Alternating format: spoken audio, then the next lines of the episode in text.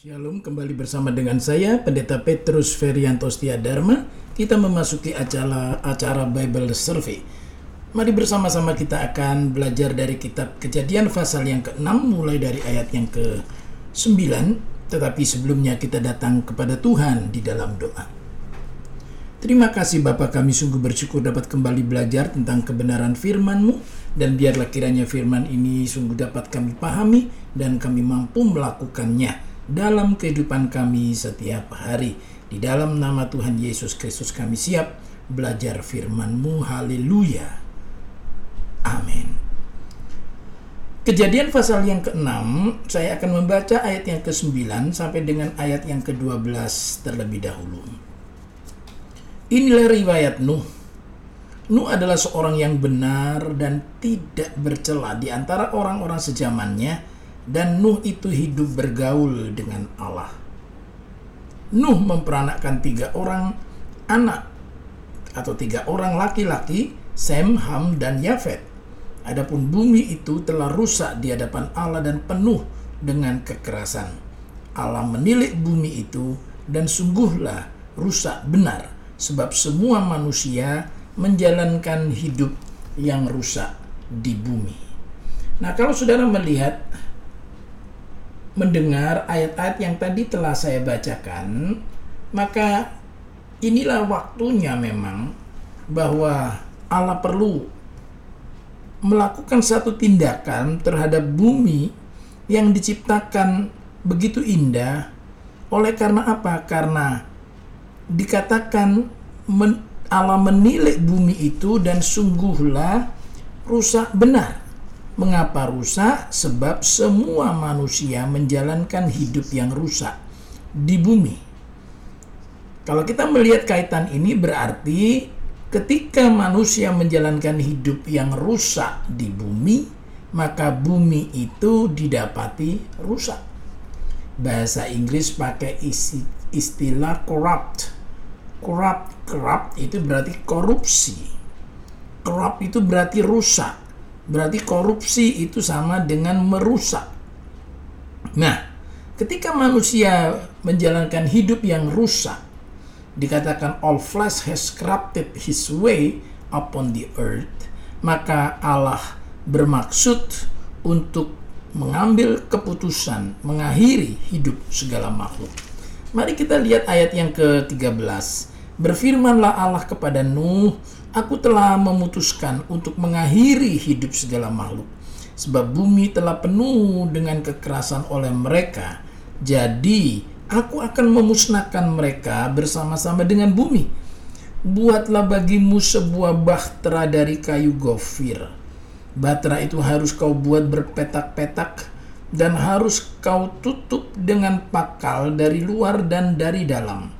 Beginilah engkau harus membuat bahtera itu 300 hasta panjangnya, 50 hasta lebarnya, dan 30 hasta tingginya.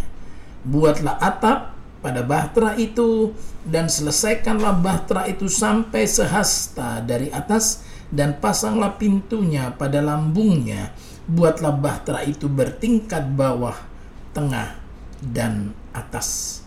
Sebab sesungguhnya aku akan mendatangkan air bah meliputi bumi untuk memusnahkan segala yang hidup dan bernyawa di kolong langit, segala yang ada di bumi akan mati binasa. Tetapi dengan engkau aku akan mengadakan perjanjianku. Dan engkau akan masuk ke dalam bahtera itu.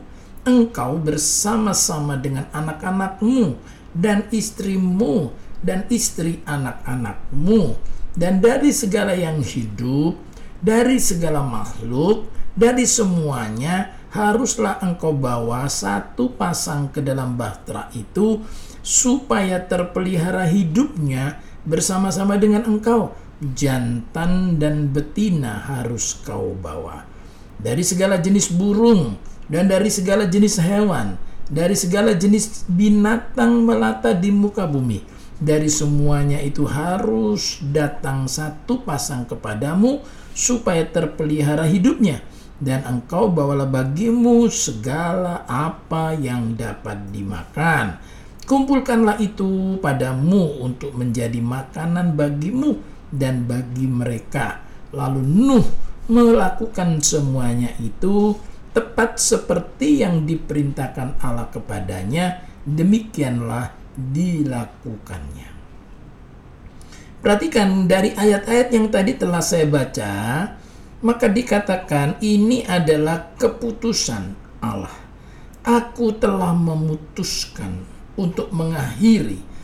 Nah, setiap kali kita mendengar kata keputusan Allah, maka keputusan Allah itu tidak dapat diintervensi oleh siapa pun. Lupa apakah ada kemungkinan keputusan Allah itu berubah? Bisa, bisa.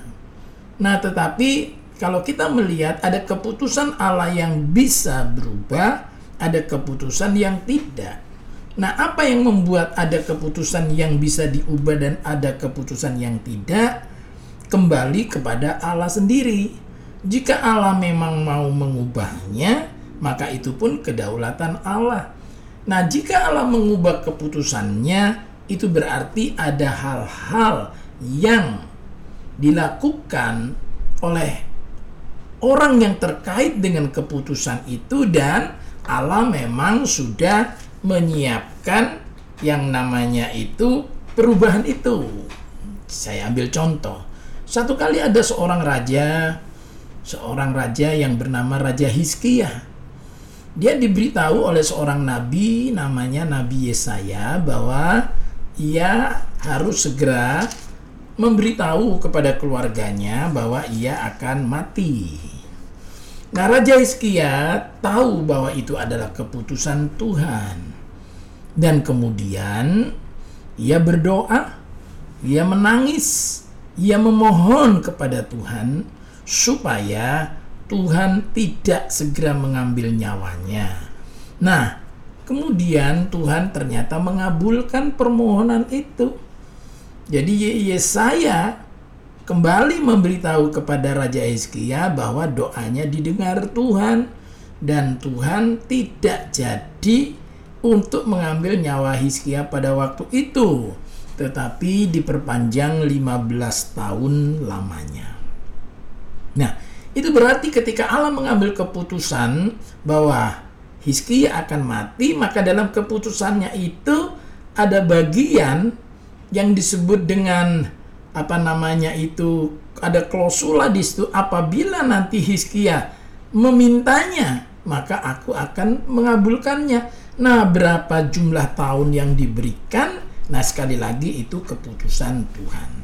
Nah, itu berarti bahwa kita tidak boleh kemudian hidup dalam apa yang disebut dengan fatalisme.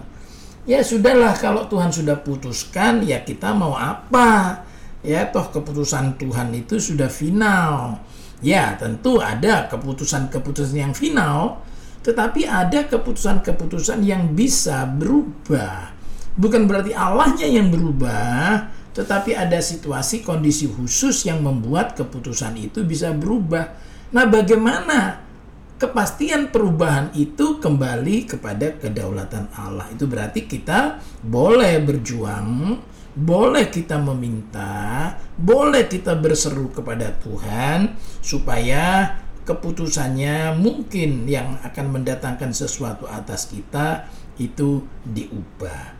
Nah, tetapi untuk kasus ini dalam kejadian pasal 6 dikatakan aku telah memutuskan itu adalah keputusan yang tidak bisa diubah. Lupa apakah tidak ada kesempatan Allah memberi kesempatan kepada orang-orang itu supaya apa? Ya, supaya mereka mungkin kalau mendengar Tuhan akan menghukum, nah kemudian mereka itu mau bertobat. Begitu ya. Oh ada. Kalau kita melihat di dalam surat 1 Petrus, surat 1 Petrus, kita bisa membaca ayat satu surat 1 Petrus pasal yang ketiga, pasal yang ketiga, ayat yang ke-20. yaitu kepada roh-roh mereka yang dahulu pada waktu Nuh tidak taat kepada Allah. Ketika Allah tetap menanti dengan sabar waktu Nuh sedang mempersiapkan bahteranya di mana hanya sedikit yaitu delapan orang yang diselamatkan oleh air bah itu. Perhatikan di sini bahwa Allah tetap menanti dengan sabar. Itu berarti ada kesempatan waktu Nuh sedang mempersiapkan bahteranya. Jadi begitu Nuh mempersiapkan bahtera, tentu orang-orang bertanya, ada apa Nuh kamu membangun bahtera? Oh ya, sebab bumi ini akan dihukum dengan air bah. Makanya kamu bertobat, ya. Makanya kamu bertobat. Nah, tetapi saudara-saudara ajakan untuk bertobat dari Nuh sebagai pemberita kebenaran ini rupanya tidak diindahkan, ya, tidak diindahkan. Nah, coba lihat kembali ke 2 Petrus sekarang. 2 Petrus pasal 2. 2 Petrus pasal 2 ayat yang kelima dan jikalau Allah tidak menyayangkan dunia purba, tetapi hanya menyelamatkan Nuh pemberita kebenaran itu. Dengan tujuh orang lain ketika ia mendatangkan air bah atas dunia orang-orang yang fasik. Berarti Nuh itu pemberita kebenaran. Dia memberitakan kebenaran tetapi orang tidak mengindahkannya. Nah, muncul lagi pertanyaan, bagaimana dengan istri, ketiga anak, dan ketiga menantunya? Apakah itu berarti mereka tanda petik nunut? Karena Nuh itu hidupnya benar, karena Nuh tidak bercela di antara orang sejamannya, maka keluarganya nunut terselamatkan. Oh tidak. Ya Nuh sebagai pemberita kebenaran tentu dia juga memberitakan kebenaran itu kepada keluarganya. Ia memberitakan itu kepada istrinya, memberitakan itu kepada anak-anaknya Sem, Ham, dan Yafet, juga kepada ketiga menantu perempuannya, Nyonya Ham, Nyonya Sem, dan Nyonya Yafet. Ya, oleh karena keselamatan itu adalah keputusan pribadi. Dan jangan sudah pikir ya Pak, kalau bapaknya itu sudah soleh, sudah begitu rohani seperti Nuh ini ya berarti istri, anak dan menantu ikut saja Pak. Oh tidak begitu. Cukup banyak, cukup banyak contoh di dalam Alkitab. Bapaknya bagus, bapaknya deket Tuhan, oh anaknya tidak mau. Ya, ada yang begitu, ada tokoh lain nanti kita akan bahas itu. Tokoh yang namanya Lot, calon menantunya itu tidak mau ketika Tuhan mau menghukum Sodom dan Gomora ya tidak mau nah ini keluarga. Nah oleh sebab itu Tuhan katakan engkau bersama dengan anak-anakmu dan istrimu dan istri anak-anakmu. Ya itu saja yang akan kuselamatkan karena mereka mengindahkan berita kebenaran. Mereka percaya kepada Allah. Allah yang penuh kasih. Allah yang memberi kesempatan tetapi kalau kesempatan itu kemudian diabaikan, maka sisi dari sifat Allah yang lain adalah keadilannya. Itu yang kemudian dijatuhkannya atas manusia sehingga air bah itu terjadi. Nah, sekarang berbicara tentang Nuh, kita juga berbicara tentang ketaatan. Ya, ayat 22 tadi, lalu Nuh melakukan semuanya itu tepat seperti yang diperintahkan Allah kepadanya demikianlah dilakukannya. Jadi Nuh diminta untuk membuat bahtera satu itu bahannya ya bahannya itu dari kayu gofir begitu. Jadi karena bahannya itu sudah ditentukan maka Nuh tentu dengan dikatakan di situ melakukan apa yang Allah katakan ya tentu saja dia juga membuat bahtera itu dari kayu gofir, tidak mencari dari kayu-kayu yang lain, jenis kayu yang lain ya. Nah, ini penting. Jadi materinya atau bahannya itu yang Tuhan suruhkan itu ya dilakukan sudah dari kayu gofir ya dari kayu gofir jenis kayu ya namanya kayu gofir kemudian yang kedua buatlah menjadi tiga tingkat katanya ya bertingkat bawah, tengah, dan atas. Ya Nu juga harus membuatnya tiga tingkat. Yang ketiga, ukurannya. Ya, ukurannya 300 hasta panjangnya, 50 hasta lebarnya, dan 30 hasta tingginya. Nah, kalau sudah bicara tentang ukuran hasta, nah tentu saudara-saudara ini harus di apa dikonversi supaya kita bisa mengetahui mengenai ukuran daripada bahtran nu ini karena kalau kita tidak memiliki gambaran maka kita tidak tahu berapa besar bahtera ini. Satu hasta itu adalah ukuran panjang 45 cm jadi kalau disebutkan di sini 300 hasta ya 300 kali 45 cm itu berarti 1350 cm. Nah, kalau 1350 cm ya. Kalau kalau kali 3 saja 45 kali 3 135 1350 berarti 13 maaf 13.500 cm. Nah, kalau 13.500 cm maka kita melihat di situ menjadi berapa? ya 13.500 cm. Nah, 1 meter itu 100 cm. Berarti 135 meter ya, 135 meter panjangnya. Lalu 50 hasta lebarnya ya 50 kali 45 cm dan 30 hasta tingginya 30 kali 45 cm. Jadi 100 35 itu eh, apa namanya panjangnya 135 atau 13,5 itu tingginya dan kemudian kalau ini dikalikan 50 45 kali 50 itu menjadi 225 itu berarti bahwa 225 22,5 meter ya. 22,5 meter. Nah, jadi 135 panjangnya, 22,5 lebarnya dan itu berarti 13,5 meter tingginya. Dan kemudian apa yang disuruhkan Tuhan kepada Nuh yaitu untuk bisa menyediakan tempat bagi siapa? Bagi makhluk-makhluk binatang-binatang itu satu pasang. Ya, Jantan dan betina harus kau bawa. Jantan dan betina. Kalau burung, jenis hewan, jenis binatang melata, semuanya harus datang satu pasang kepadamu. Nah, muncul pertanyaan, bagaimana bisa binatang-binatang itu kemudian datang sepasang-sepasang kepadamu? Nah, saudara-saudara, Tuhan bisa membuat satu kondisi, satu situasi.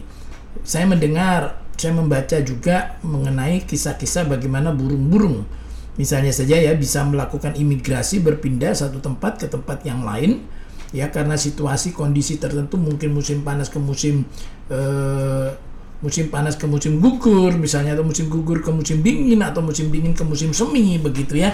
Jadi rupanya mereka punya insting-insting begitu. Nah tentu akan datangnya air bah ini juga binatang-binatang itu mendapatkan insting ya sehingga kemudian bisa datang ke tempat Nu itu tapi yang boleh masuk itu hanya sepasang sepasang. Lalu Nu juga menaati itu dan bawa juga katanya bahwa bagimu segala apa yang dapat dimakan kumpulkan itu padamu untuk menjadi makanan bagimu dan bagi mereka. Berapa lama? Tidak tahu. Sediakan saja makanan. Ya. Berapa lama? Tidak tahu. Untuk makanan keluarga Nu dan juga untuk tadi hewan-hewan itu. Nah, mari sekarang kita lanjutkan mengenai datangnya air bah itu sendiri.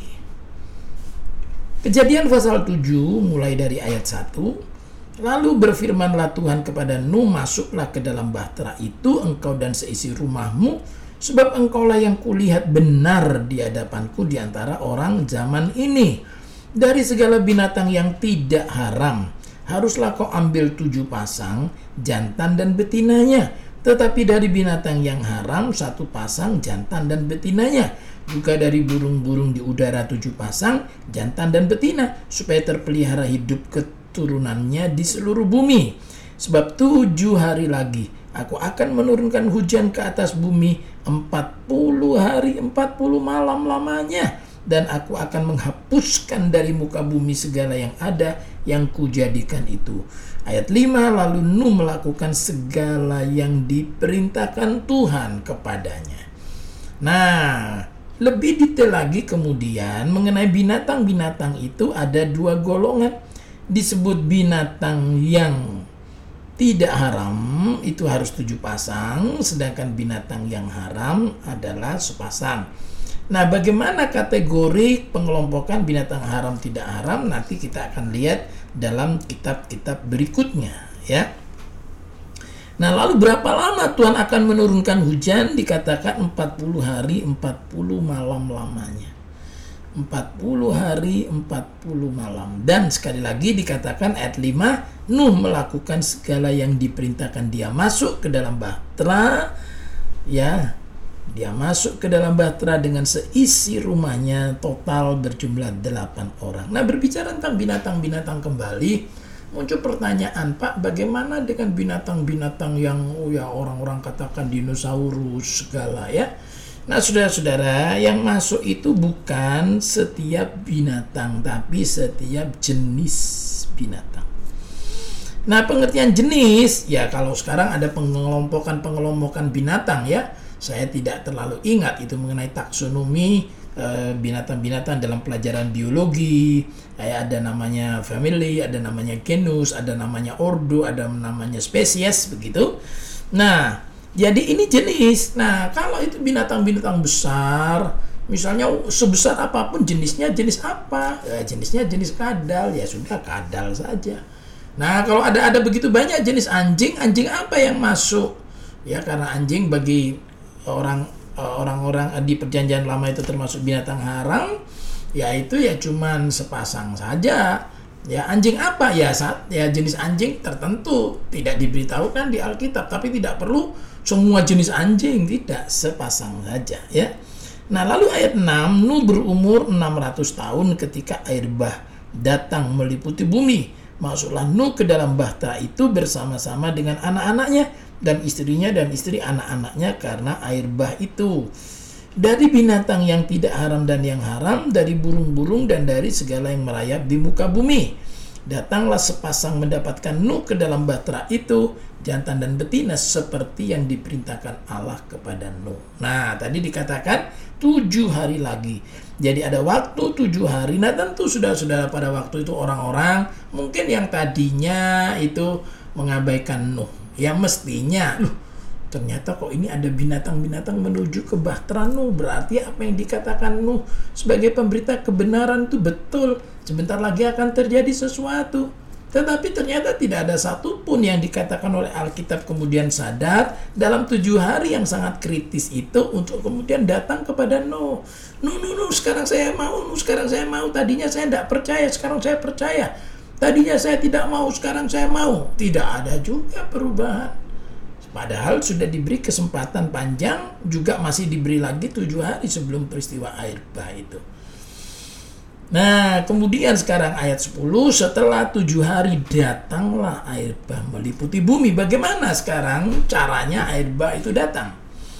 Pada waktu umur Nuh 600 tahun, pada bulan yang kedua, pada hari yang ke-17 bulan itu, pada hari itulah terbelah segala mata air samudera raya yang dahsyat dan terbukalah tingkap-tingkap di langit dan turunlah hujan lebat meliputi bumi 40 hari 40 malam lamanya. Pada hari itu juga. Masuklah Nuh serta Sem dan Sem Ham dan Yafet anak-anak Nuh dan istri Nuh dan ketiga istri anak-anaknya bersama-sama dengan dia ke dalam batra mereka itu dan segala jenis binatang liar dan segala jenis ternak dan segala jenis binatang melata yang merayap di bumi dan segala jenis burung yakni segala yang berbulu bersayap dan dari segala yang hidup dan bernyawa datanglah sepasang mendapatkan Nuh ke dalam bahtera itu. Dan yang masuk itu adalah jantan dan betina dari segala yang hidup seperti yang diperintahkan Allah kepada Nuh lalu Tuhan menutup pintu bahtera itu di belakang Nuh. Nah, perhatikan tadi bahwa ketika air bah itu datang, prosesnya bagaimana? Terbelah segala mata air samudera raya yang dahsyat. Jadi berarti terjadi tsunami itu. Tsunami yang besar sekali dan juga ini bukan hujan biasa ya, terbukalah tingkap-tingkap di langit. Kita sudah belajar dari kejadian pasal 1 bahwa ada cakrawala. Nah, di atas cakrawala itu ada air. Sehingga waktu itu umur-umur manusia itu bisa panjang-panjang ya sampai 930 tahun. Ya, sampai ada yang lebih daripada itu. Nah, tetapi kemudian ketika tingkap-tingkap langit itu dibuka, itu berarti air yang di atas itu tercurah ke bumi jadi ini bukan sekedar hujan-hujan biasa ya. Ini hujan istimewa. Dan itu 40 hari 40 malam ya bumi itu dipenuhi dengan air bah itu. Ayat 17, 40 hari lamanya air bah itu meliputi bumi, air itu naik dan mengangkat bahtera itu sehingga melambung melampung tinggi dari bumi. Ketika air itu makin bertambah-tambah dan naik dengan hebatnya di atas bumi, terapung-apunglah bahtera itu di muka air dan air itu sangat hebatnya bertambah-tambah meliputi bumi dan ditutupinya segala gunung tinggi di seluruh kolong langit sampai 15 hasta di atasnya. Perhatikan tadi satu hasta 45 cm, kalau 15 hasta ya 15 kali 45 cm ya. Itu. Lalu jadikan meter gitu ya. Nah, sehingga gunung-gunung ditutupinya lalu mati binasalah segala yang hidup yang bergerak di bumi, burung-burung, ternak, dan binatang liar, dan segala binatang merayap yang berkeriapan di bumi, serta semua manusia. Matilah segala yang ada nafas hidup dalam hidungnya, segala yang ada di darat. Demikianlah dihapuskan Allah segala yang ada, segala yang di muka bumi, baik manusia maupun hewan dan binatang melata, dan burung-burung di udara, sehingga semuanya itu dihapuskan dari atas bumi. Hanya Nuh yang tinggal hidup dan semua yang bersama-sama dengan dia dalam bahtera itu dan berkuasalah air itu di atas bumi selama 50 hari lamanya. Nah, ini istilah lockdown ya. Jadi Nuh itu ada di Batra total berjumlah 8 orang itu selama 150 hari. Berarti 5 bulan ya, 5 bulan lima bulan tidak bisa ke mana-mana. Mau ke mana? Semuanya sudah tertutup air. Gunung-gunung yang tinggi tertutup air. Tidak bisa ke mana-mana dan waktu itu tidak ada televisi, waktu itu tidak ada HP, tidak ada media sosial, tidak ada bisa saudara-saudara melihat tayangan YouTube dan sebagainya ya. Nah, kayak apa itu ya? Tetapi karena itu adalah perintah Tuhan untuk keselamatan mereka, maka mereka tidak protes. Terima kasih justru Tuhan melindungi mereka dari bahaya. Jangan saudara-saudara khususnya yang generasi muda ini juga yang merasa kalau namanya tinggal di rumah rasanya waduh gimana ndak betul keluar saja loh di luar ada banyak bahaya kalau mau keluar ya sudah ya harus memperhatikan kesehatan. Kalau yang di masa pandemi itu ya berarti memang harus pakai masker, ya cek suhu tubuh, jangan bergerombol, ada jarak distancing. Nah itu penting. Ya, oleh karena ini keselamatan loh. Allah saja peduli dengan keselamatan kita. Masa kita tidak peduli dengan keselamatan diri kita sendiri? Nah, apa yang istimewa pada Nuh? Nuh itu hidup sebagai orang benar, hidup bergaul dengan Allah, tetapi dia tidak hanya hidup benar sendiri. Dia dan keluarganya dan bahkan dia pemberita kebenaran.